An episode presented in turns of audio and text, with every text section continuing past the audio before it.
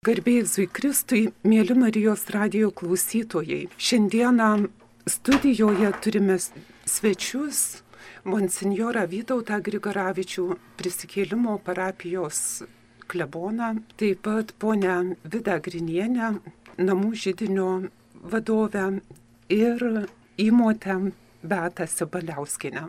Laidą vesiu aš, sesuo Daiva Kuzmitskaitė. Šiandieną mes kalbėsimės apie ateinantį našlaičių sekmadienį. Ir pokalbį galim pavadinti tarptautinės dienos našlaičių sekmadienio minėjimo, judėjimo šūkiu būti jiems šviesa, būti šviesa našlaičiams, vaikams, kurių niekam nereikia. Ir Kasmet lapkričio pradžioje tarptautinė ekumeninė akcija Krikščionių alijansas našlaičiams Pasaulio gyventojus kviečia švęsti šią dieną, našlaičių sekmadienį. Štai Lietuvoje pirmą kartą 18 metais po popiežiaus vizito Panevyžio krikščionių bažnyčia paminėjo našlaičių sekmadienį. Dar po metų Kauno prisikėlimo parapijoje ši našlaičių diena buvo pirmą kartą minima. Ir kiek žinau, monsinjorė Vytautai, šiais metais taip pat našlaičių sekmadienis bus minimamas jūsų parapijoje. Kaip jūs žadate jį švęsti? Na turbūt pirmiausia, tai kad e, šis sekmadienis turi išryškintas būti, tai turbūt visi su tuo sutinkame, nes uh, išgyvename kartu su tais vaikais, na, sakyčiau, tokį savotišką laiką. Ir kiekvieni metai, kai mes švenčiame, kai mes kiekvienus metus paminime to našlaičio sekmadienį, na ir tada ir Evangelija mums vėl kitai pasirodo ir galų galę klausimas visiems yra, kuo aš galiu prisidėti, kad tų vaikų, tų našlaičių būtų kuo mažiau, e, kad jie turėtų savo tėvus ir motinas ir kad jie būtų tie vaikai laimingi. Na, ką mes galime parapijoje, tai pirmiausia visada yra 11 val. aukojama suma ir mes pirmiausia prisimename tuos vaikus ir prisimename tuos globėjus, tuos žmonės, kurie, na, tokį labai gražų daro gyvenime, na, tokį žingsnį priglaudžia svetimą vaiką prie savo širdies. Tai yra, na, sakyčiau, didelis, didelis darbas atliekamas kuris e, išsirėžia tam vaikui, kuris pajunta tą meilę, ypatingai įsirėžia jo gyvenime.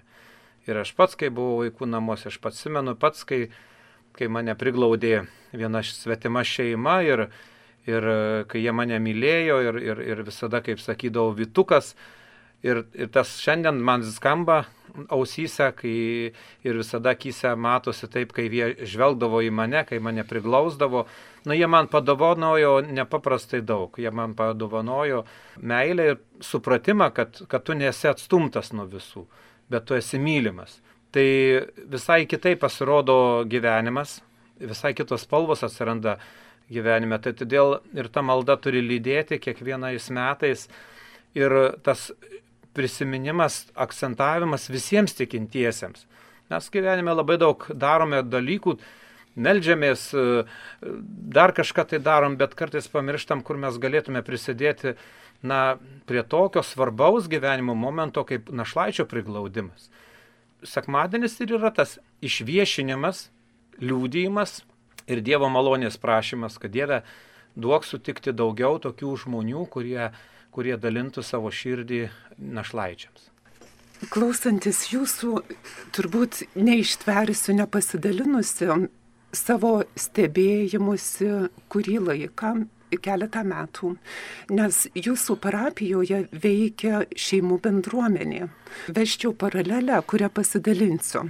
Junktinėse Amerikos valstijose, kai pirmą kartą buvo paskelbta pasaulinis našlaičių sekmadienis, Teksaso valstijoje vienoje krikščionių bažnyčioje vyskupas, protestantai jie vedė ir jis globojo vaikus ir ruoždamasi sekmadieniui tik persėjęs tų vaikų skausmų, sako pamokslą ir klausia parapiečių, kas iš jūsų su manim eisite ir globosite vaikus. Nes Amerikoje labai panašiai kaip Lietuvoje yra daug vaikų atimtų iš šeimų, kurios nepajėgia rūpintis, bet jų niekas na, neimdavo globoti, norėdavo įvaikinti, bet negloboti.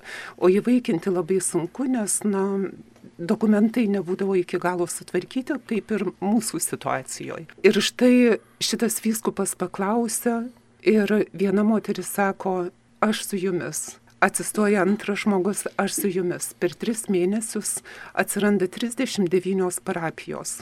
Ir per pirmus septynis metus 14 tūkstančių vaikų randa namus. Šiuo metu jau 10 metų trūksta vaikų globai. Ir aišku įvaikinimui, nes štai šita parapija tiesiog gebėjo tai padaryti. Ir dabar grįžtant į jūsų parapiją, na, tiek, kiek aš visiškai pašalietė, kuri būdavau pakviesta pabendrauti, pabūti su jūsų šeimomis ir ką matau, štai sėdi ponė Vida, kuri jau ne vieną dešimtmetį dirba su vaikučiais, kuriuos tėvai nepajėgia auginti. Jie atvėrė savo namų duris, sukūrė struktūras ir ten vaikai glaudžiasi. Kita šeima, kas vasarą, jau kilintą vasarą savo sodyboje priima šituos vaikučius ir kitus vaikus atostogauti, leisti vasaros, na, tokias stovyklas organizuoti. Trečia šeima, kuri irgi artimai bendradarbiauja ir su Marijos radiju, globoja mergytę. Dar viena šeima, paėmusi globoti berniuką našlaitį, kuriam sunkiai sekasi tikslieji mokslai. Ir jau kilintus metus būdavo beveik kasdien lydėjo tą berniuką per matematikos plonybės.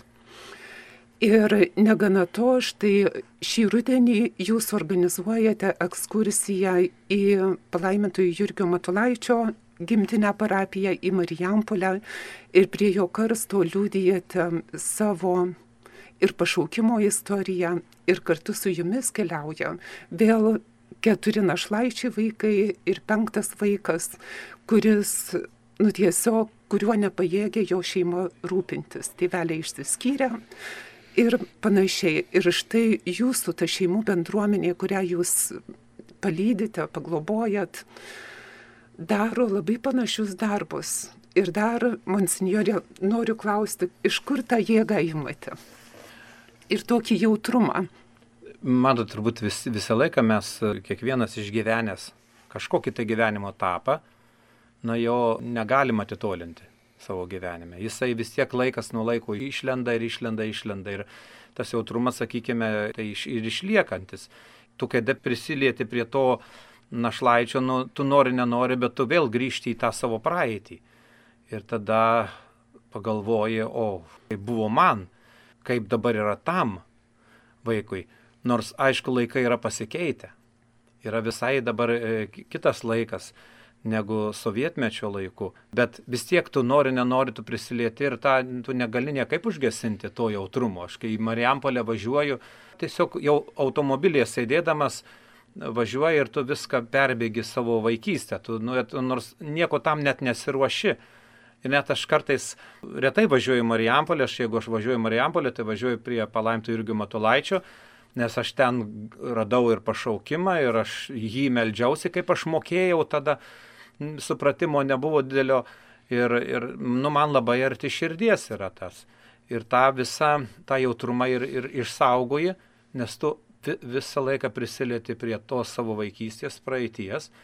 Na, čia nesupraskime klaidingai, aš neverkšlenu dėl to, kad tai kažkas atsitiko mano gyvenime, bet aš Aš tik džiaugiuosi, kad atsirado svetimi žmonės, kurie priglaudė, kurie na, parodė man tikėjimą, parodė, kur yra gėris, kur yra blogis.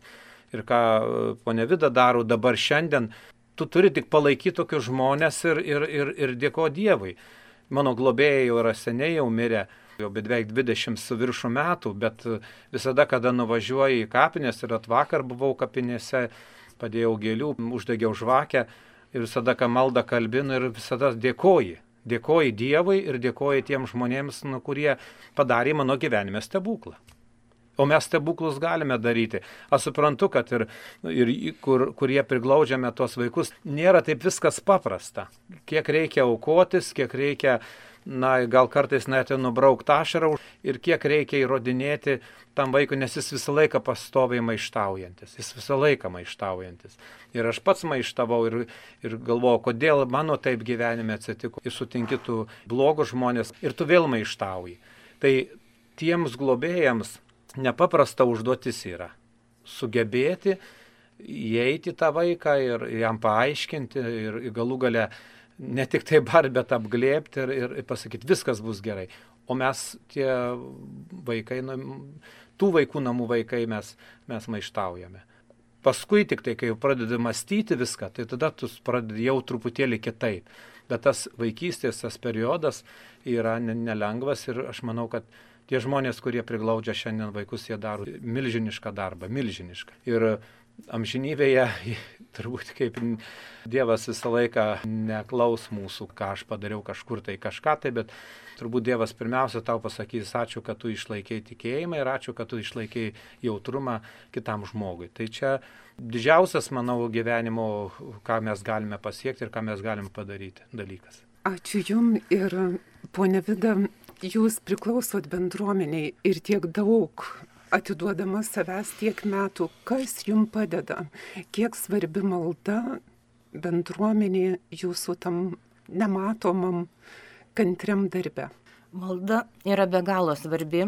Aš neįsivaizduoju, kaip e, galima dirbti e, darbą šį, jeigu galima pavadinti tai darbu, tai yra, nėra tai darbas, tai yra gyvenimo būdas, gyvenimas netikint Dievu ir e, nepykti ant tų vaikų, nebarti, ar bent stengtis nebarti, nes būna visko. Nes tu žinai, kad Dievas tave myli ir jeigu tu myli Dievą, tai tu tikrai jį myli tik tada, kai tu myli esančių šalia, nes kitaip ir būti negali. Taigi kantrybės reikia begalinės iš tikrųjų, malda padeda labai, palaikymas kitų žmonių irgi padeda labai. Gerų žodžių palaikymas. Palaikymas ateinant ir paklausiant, ar neturi kokio vaiko pakrikštyti Aš jums papasakosiu situaciją. E, žodžiu, po mišių mes su savo bičiule kalbamės ir einam po truputėlį iš bažnyčios ir aš sakau, tu žinai, aš taip norėčiau, sakau, kad Vytautas taptų su žmona krikšto tėvais, mano vienos mergaitės, sakau, nes jinai dar nekrikštita yra ir Ir mes einam, o jisai gėda bažnyčios chore, jis nusileidžia prie nes, sako, Vida, žinot, mes su Rasa čia pasitarėm, sako, gal jūs turit kokį vaiką pakrikštyti. Tuo pačiu metu. Ir žinokit, nu, aš sakau, buvo taip ir tai atrodo neįtikėtina. Ir tikrai tas vaikas labai sustiprėjo, jūs pati matėte tą vaiką, tai žinote apie ką kalbu, turbūt, kad jūs po metų jos net, net nepažinote. Nes labai gauna sustiprinimą iš tų krikšto tėvų, jeigu tie krikšto tėvai iš tikrųjų atlieka tą savo, būna tikri, kaip aš sakau, krikšto tėvai, nes kiti būna formalūs, neprisima to atsakomybę. Tai palaikymas yra labai svarbus, labai svarbus, tuo labiau, kad mūsų namai jie nėra šeima, kai yra vat, įtėvių šeima. Pas mus vis tiek yra šiokia tokia institucija, bet mūsų tikslas visada buvo ir yra tuos namus paversti kuo artimesniais tikriems namams, kaip sako. Ir aš atsimenu, kaip viena mergaitė, kuri jau ruošėsi iš mūsų išeiti, kuri suaugo, atėjo pas mus pirmą kartą, jin atėjo, apsidairė ir sako, teta vida, bet čia juk atrodo kaip tikri namai. Tai vad mūsų toks ir tikslas yra, kad tie vaikai jaustųsi kaip tikruose namuose. Ir štai pernai jūs su būreliu vaikų ir su savo bičiuliais, bendradarbiais dalyvavote sekmadienį, našlaičių sekmadieniom. Taip. Mišiuose. Kaip Jūs galvojat, kiek tai yra svarbu jums ir visiems vaikams ir šeimoms, kurios įvaikinę, globoja, ar padeda?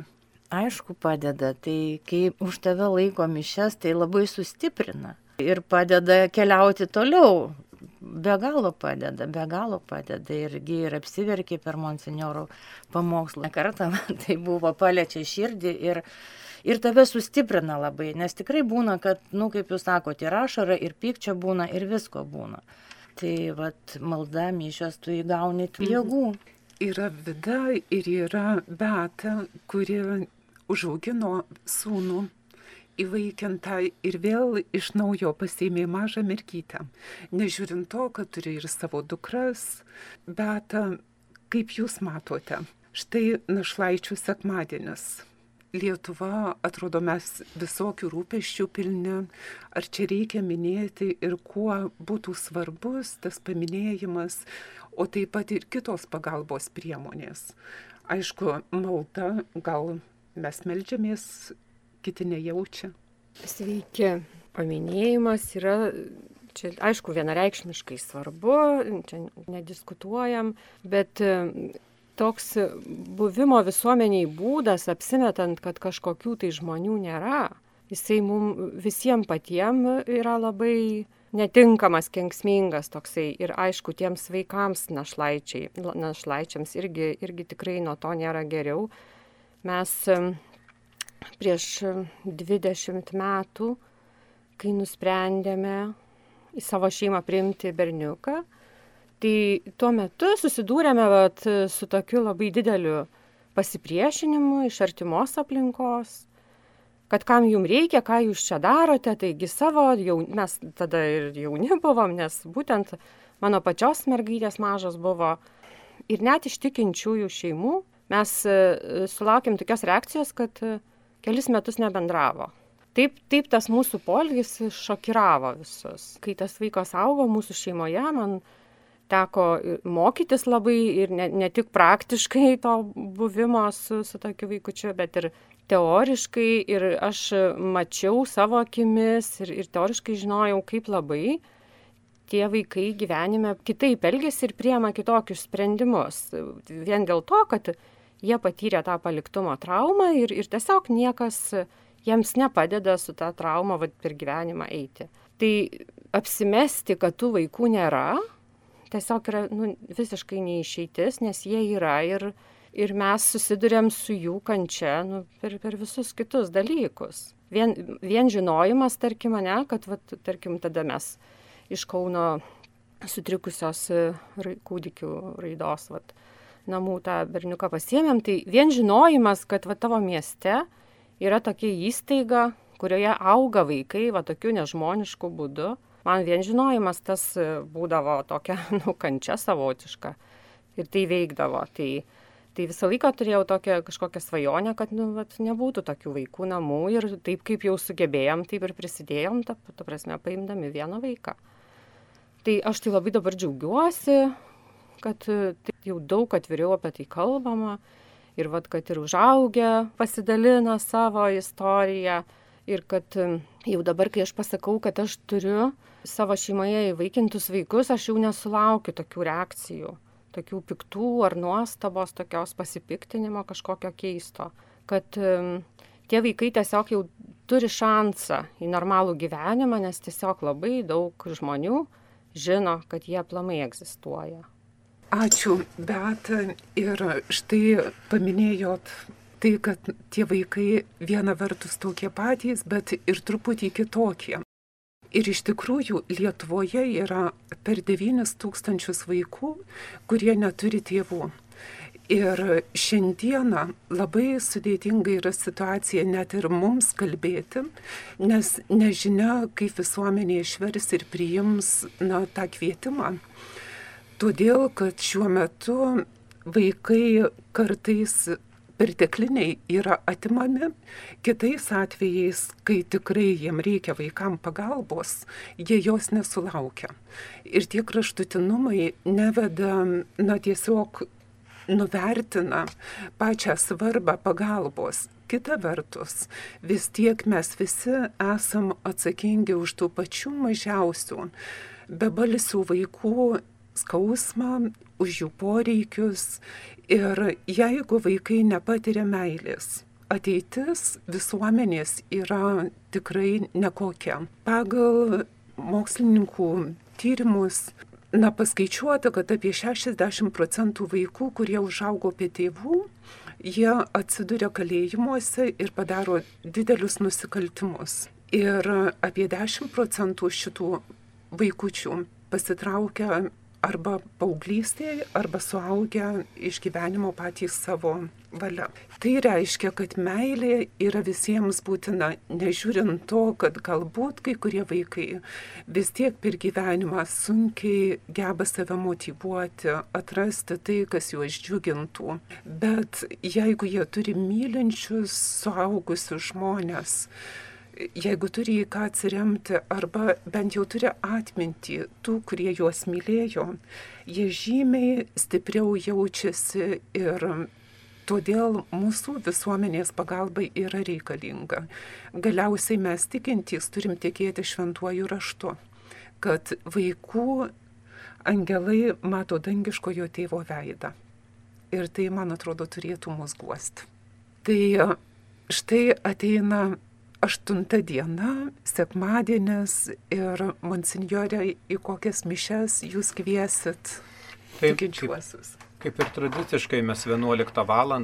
yra aukojama šventosios mišios suma už parapiją ir visomis šiomis intencijomis, būtent kas tik gali ir noro tikrai kviečiame, nes reikia už tuos vaikus melsis ir ką jūs paminėjote, kad nusikal... tie vaikai labai dažnai nus... į nusikaltimus pakrypsta arba iš vis iš gyvenimo išeina, jie jaučia tą vienišumą, didžiausią vienišumą. Aš pažįstu dabar jau miręs tas jaunuolis.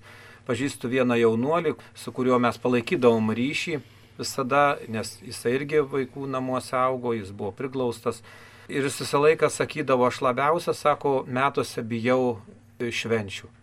Sako, kodėl tu? Aš sako, visą laiką jaučiuosi labai labai vienišas. Iš tikrųjų, aš įguosdavau ir ramindavau ir sakydavau, nu ne, tai taip nėra, vis tiek, nu, vis tiek mes turim žiūrėti kitomis akimis, sakau, ir, ir tu, ir aš, sakau, mes esame praėję pra tai. Ir sukūrė jisai šeimą, šeimoje, nu, nepasisekė jam ir jisai pasitraukė iš gyvenimo. Kai paliktame tame laiške buvo labai paprastai pasakyta, aš neturėjau meilės, manęs nieks nemylėjo ir turbūt mano šeima subirėjo. Ir sako, aš nematau prasmės gyventi. Ir kada aš jį laidojau, sakiau tada homiliją, kalbėjusi su juo, aš pasakiau tokius gyvenime, man atrodo, gyvenime labai svarbius žodžius. Kas bebūtų, kaip tu be išgyventum, kokį etapą, bet visada yra Dievas, kuriuo tu remtis turi. Kad ir kaip bebūtų sunku, kad ir ką, bet tas Dievas vis tiek tave veda, vis tiek jis tave tave globoja. Ir jeigu pasaulis tavęs nepriema, bet Dievas tave priema toks, koks tu esi. Ir manau, mes, mes turim stiprinti. Aišku, mums tikintiesiems yra daug lengviau visą tą priimti. O netikinčiam žmogui, gingdėvė aš jų nesmerkiu, bet jam yra tikrai sunku suvokti, kad jis yra mylimas Dievo vaikas, yra lygiai taip pat kaip ir kitas. Tai tas stiprinimas, manau, kad tikėjimas nu, padeda žmogui išlaikyti visus, visus tuos išbandymus. Bet va šito jaunuolio atžvilgiu jisai nu, buvo labai drungnas. Bet turbūt priežastis buvo, kad jis ne, nežinojo ne, vaikystėje, tos meilės nebuvo pajutęs, to tikėjimo neturėjo. Ir kai atėjo dar didesnis gyvenimo išbandymas, kai reikėjo pastovėti, nematė nieko kito, tik tai matė, kad išeiti iš šio gyvenimo ir, ir palikti tuštumą. Tai va, tai manau, kad tų išėjimų, tų našlaičių, tų vaikų išėjimas iš gyvenimo, kai jie savo norų išeina iš gyvenimo, na, turbūt visuomenė mes turim prisimti atsakomybę. Ir tai yra mūsų spragos, mūsų praleistas laikas, mūsų netkreipimas dėmesio, turbūt pritrūko mums meilės, na, vienam ar kitam parodyti vieną ar kitą tokį gerumo, meilės ir globos tą momentą. Tai dėl kartojosi, bet sakau, kas šiandien priglaudžia vaiką, na, daro milžinišką darbą ir, ir tikrai Dieve duok, kad atsirastų tų žmonių, o tų vaikų našlaičių, kad skaičiai mažėtų. Nes jie kuo didesni yra tie skaičiai, tada daug yra nuskriaustųjų, nelaimingų ir nemanau, kad mes galime ramiai tada atsigulti vakare ir miegoti. Vis tiek mus turi paliesti. Tai tas sekmadienis ir apie tai bus kalbama ir tas sekmadienis bus skiriamas ir tas sekmadienis bus kviečiamas į žmonių širdį na, praregėkime, na, pagalvokime, o gal, gal, vieną prisimenu šeimą, kuris svarstė kelis metus pri, priglausti mergaitę, dabar ta mergaitė yra. Ir jie dažnai kalbėdavo, man sakydavo, aš visada tik sakiau vieną, jeigu priimsite vaiką į savo šeimą, aukokitės. Nebus lengva, tikrai nebus lengva, bet aukokitės. Bet pamatysite, bus labai gražus rezultatai. Aišku, ir dabar palaikom tą ryšį ir išbandymų tų visokiausių yra, bet labai džiugu išgirsti, kai sako, jau mes į priekį einame, jau net gal, jau net gal einame, bet dabar mes į priekį. Tai reiškia, vis tiek, vis tiek mes galime įskiepyti, kad per kantrumą, per meilę, per, per tokį nuoširdumą mes galime įskiepyti tam vaikui ir jam įrodyti. O čia reikia, našlaičiui reikia įrodyti, kad jis yra mylimas. Ir negali pasakyti, kad aš tave myliu ir viskas, bet čia reikia jam įrodyti, nes jis visą laiką maištaudamas sako, manęs nieks nemyli. Manęs nieks nemyli. Ir neužtenka saldainių padavimas, neužtenka obolio padavimas, neužtenka, kad tik paglostai, bet tu turi vaikui įrodyti, kad jis yra mylimas, kad jisai apglėptas yra. Ir mes kartais, vat, prieš šventės kalėdas mes kartais, vat, reiškia, tą apsiribuojame tik dubanų nunešimu. Labai gerai. Irgi aš pats prisimenu, kaip mums vaikų namus atneždavo mokyklos kažkos auklėtojus, gal organizuodavo, nepamenu, bet atneždavo žaislų. Na tai buvo mums nauji metai, tada kalėdos nebuvo švenčiamos. Na buvo didžiausias įvykis, nes mums atneša žaislų mes šiandien esame daugumoje taip apsirūpinę, kad nunešti vaikų namus tą, tą, tą, tą. Ir viskas, ir tuo pasibaigia. Čia neturi šituo pasibaigti. Čia turi būti rūpesis ir svarstymas, o gal man priglausti. Ir gal yra galimybė. Pripažinkim, kiek yra šeimų, kurios negali turėti vaikų. Jos labai sunkiai tą įskaudžiai išgyvena. Bet man atrodo, kad mums reikia vat, pastumėjimo. O gal gal jūs pagalvokit, gal apsvarstykit, o gal pribręskit tam, bet paimkite vaiką. Žiūrėkit, kaip dabar mes šuniukus siūlo per televiziją, radiją, kad nuvažiuokit, kur šuniukus žmonės atiduoda. Paimkite, bet apie vaikus niekur negirdėt. Kad nuvažiuokit į vaikų namus, tas šeiminas ir priglauskit kokį vaiką. Tai šiandien gyvulėlės irgi svarbu yra, bet, bet kažkur nukrypom ne į tą pusę. Mes daugiau gyvūnėlių skiriame dėmesio, taip reikia, bet čia žmogus, čia brestantis žmogus, kuris, kuris ateitį kurs, kuriam reikia šiandien va, tos motiniškos šilumos ir tėvo meilės. Šiandien reikia. Tai aš manau, kad visuomenė truputėlį vertybės kažkur tai nukrypo, ne į tą pusę. Ir jeigu būtų tiek skiriama per televiziją, radiją, kalbama tiek apie vaikų namus, apie tos našlaičius, aš manau, būtų visai kiti dalykai. Ir turbūt reikia bendradarbiavimo bažnyčios ir visų institucijų, kurios ir taip pat žiniasklaidos.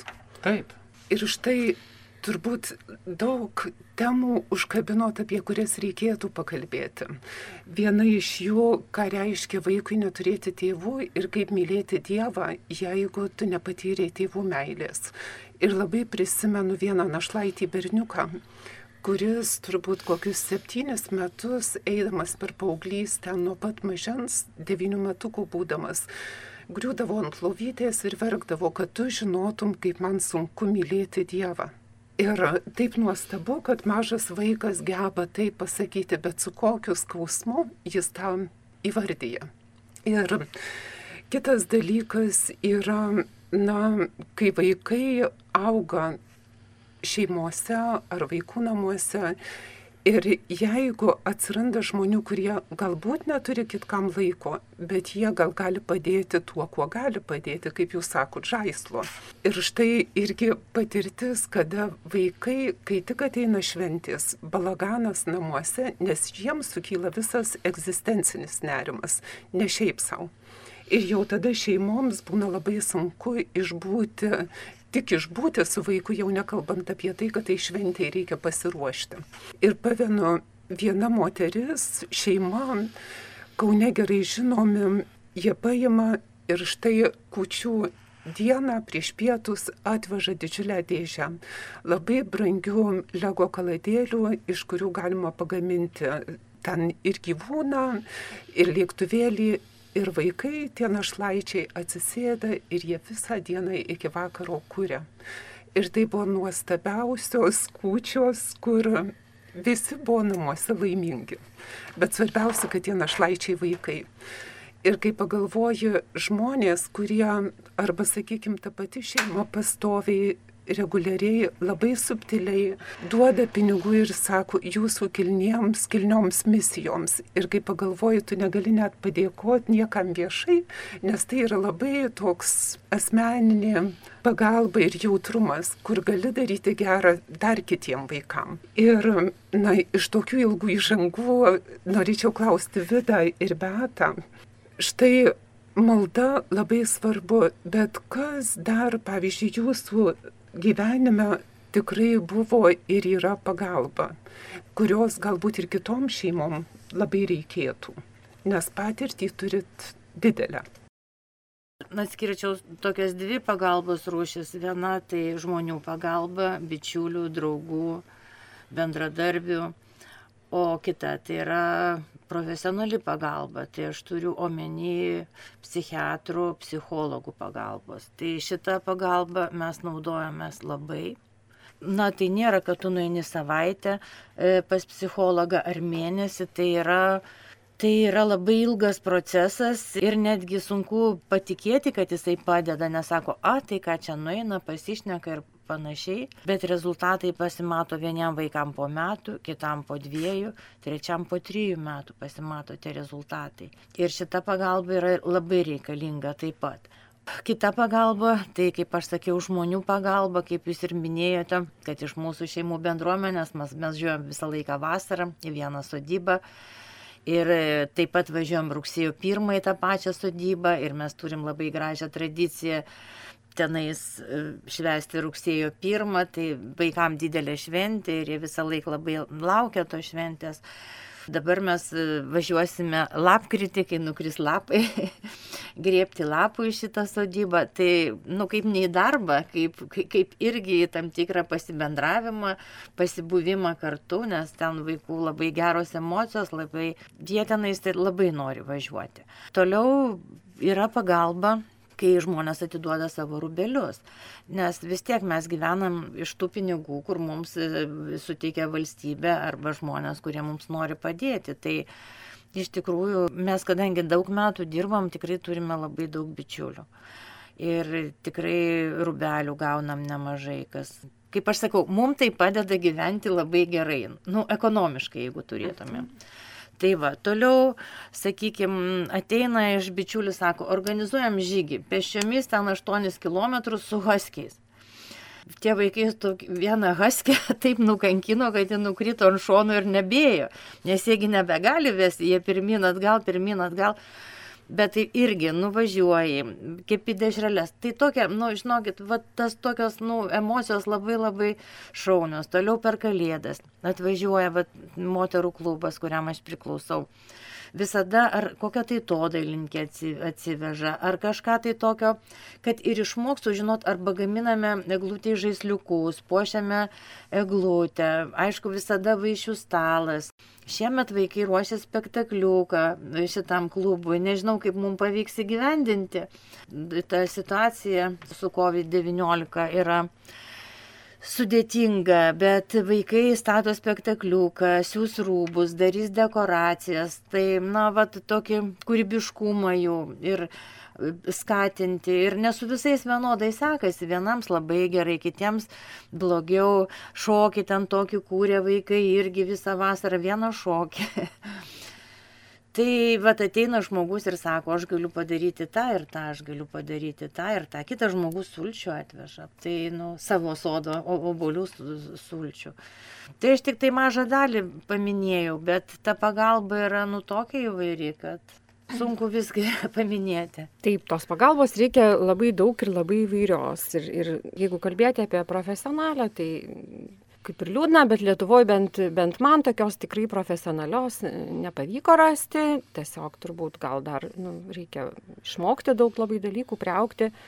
Tai tuo labiau džiaugiuosi, kad aš suradau va, bendruomenę, iš kurios ir gavau tą pagalbą labai labai plačiai ir įvairią. Ir, mūsų bendruomenė yra, jinai ima visas pagalbas, kokios tik įmanomos. Ir psichologės, ir malda, ir tiesiog, tiesiog paprasčiausia draugystė, ir viena kitos palaikymas. Tai ir mokėmės kartu, ir mokėmės su profesionalais, ir knygas skaitėm, bet tas pats didžiausias dalykas, tai kad tu nesijauti nevykėlis, nesijauti, kad tu viską sugadinai ir kad visiems sekasi tau ne, nes labai smagu sutikti tuos žmonės bet kur, nes tiesiog va tai negatve sutinki iš bendruomenės žmogų ir pradedi kalbėti, vat lygiai nuo tos vietos, nuo kurios reikia kalbėti ir mes vienas kitą suprantam ir mes vienas kitam atliepiam. Man e, jau daug metų ta pagalba yra, jinai tokia labai įvairia pusė, kad ir draugavimosi, ir, ir palaikymo, ir žinių. Ir kitas dalykas, kad kada augini vaiką, vat patyrusi netekti, tai įtakoja ne tik tais e, tavo ir vaiko santykius, bet įtakoja visų šeimos narių santykius. Tai įtakoja mano ir vyro santykius, mano, mano vaikų psichinę sveikatą. Tai ir čia va, turiu pasidžiaugti, kad bendruomenėse radau pagalbos ir čia. Su vyru esame šeimų bendruomenės nariai, kurioje galime savo santyki gydyti. Tos pagalbos yra ir dabar jau džiaugiuosi, kad daugiau tos žinojimo apie ją. Gal kai mums reikėjo, buvo tas didžiausias sunkumas sužinoti, kur tos pagalbos galima paimti. Dabar ir tie socialiniai tinklai, jau juose e, žinios e, greičiau sklinda viena apie kitą. Ir dar pagalbą mes patys šeimos nariai vienas kitam labai teikiame, nes e, pas mane šeimoje taip gražiai susiklostė, kad kol mano įvaikintas sunus buvo mažas, mano tėvai buvo tokie sveiki dar ir stiprus ir man labai padėjo. O dabar jau, kai, kai turime mergytę mažą, tai jau tie užauginti vaikai, jam padeda tą mergytę auginti. Tai va irgi vienas kitam teikiame pagalbą. Iš to, ką sakote, vis tik tai vaiko užauginti, tai viens ant vieno, ar sakykime, taip lyg vaikų namuose atitrauktai, Arba sakyti, kad užtenka tik tais vyro ir žmonos, arba tik vieno įtėvio ar vieno globėjo ir vaikas užauks. Iš tikrųjų reikia viso kaimo, visos bendruomenės, visos tautos. Ir negana to, reikia ir maldos. Tikrai mes visi vieni kitiems stengiamės padėti ir vieni kitus palaikyti. Ir ne tik vaikus palaikyti ir gydyti, bet ir patiems reikia ir susižeisti, ir gyti. Ir todėl Jėzus mus kviečia ateiti ir kad būtume maldoj. Ir štai tas našlaičių sekmadienis tam ir yra skiriamas. Bet tuo pačiu turim nepamiršti, kad kai mes kalbam apie našlaičius, tai tie našlaičiai yra labai plati savoka. Ypač šiandieną tai ir emigravusių tėvų vaikai. Ir dažnai būna išsiskyrusių šeimų vaikai, kada na, tėvų, vieno iš tėvų vaikas nemato. Ir vis tiek vaikas turi prigimtinę teisę į tėtį ir mamą. Todėl kviesdami ateinantį sekmadienį švesti našlaičių sekmadienį, kviečiame visus pagalvoti, ką mes kiekvienas galim padaryti. Ar viską padarėm? Gal esame išsiskyrę ir palikę savo sūnų ar dukrą ir niekada jam nepasakė, kad aš esu tavo tėvas, aš esu tavo mama, aš tave myliu arba nesugebėjau mylėti, nesugebėjau tavim pasirūpinti. Gal nuo mano to vieno sakinio daug kas priklausys. Ir mes, kurie esam čia tikrai ne vieną kartą ir matėm ir girdėjom, kada suaugę vyrai verkia ir sako, aš neturiu tėvo, aš neturiu į ką atsiremti, aš nežinau kaip gyventi ir kaip tvarkytis su, na tiesiog, vyriškais dalykais, kaip būti stipriam, kai nežin, net kaip tikėti, nes man tėvas to neparodė, manęs neišmokino. Tai Taip pat yra labai politkorektiškų temų, apie kurias dalis mūsų dvasininkų, pašvesto gyvenimo narių labai sėkmingai pasisako. Bet kai liečiamos temos labai jautrios, tų, kurių niekas nemato, mažiausių mūsų visuomenės narių, ten yra tyla. Tai kviečiam visus, kas tik galim, pirmiausia melstis už vaikus, kurių niekam nereikia, už vaikus, kurių nepajėgia mylėti jų tikrieji tėvai. Ir už tas šeimas, kurios ir tuos žmonės, kurie išdrįsta atverti savo namų ir širdies duris ir taip nušviesti, apšviesti tų vaikų gyvenimus, jų skausmą, jų skurdumą, kurį paliko nemailė, trūkumas santykių. Ir tuo pačiu žinoti, kad viešpats atlygins už kiekvieną mūsų gerą žodį, už mūsų maldą ir kitą žingsnį, kurį galbūt išdrysim žengti, artėdami prie našlaičių vaikų ir tų žmonių, kurie juos lydi. Ir norėčiau vis tiek paprašyti jūsų, baigiant laidą, taip pat palinkėti tiek globėjam, tiek vaikam ir mūsų visuomeniai. Mėly Marijos radio klausytojai ir visi, kurie šiandien klausote šią laidą, tai iš tikrųjų pabandykime šią dieną paskirti pirmiausia apmąstymui savo širdyje, o gal atsirastų vieta našlaičiui mano šeimoje, mano aplinkoje. Jeigu to mes negalime padaryti, pagalvokime, o gal mes galime kažkam padėti. Nebūtinai daug reikia padėti, bet padėti mes galime ir palaikymu, ir medžiagiškai, ir dvasiškai.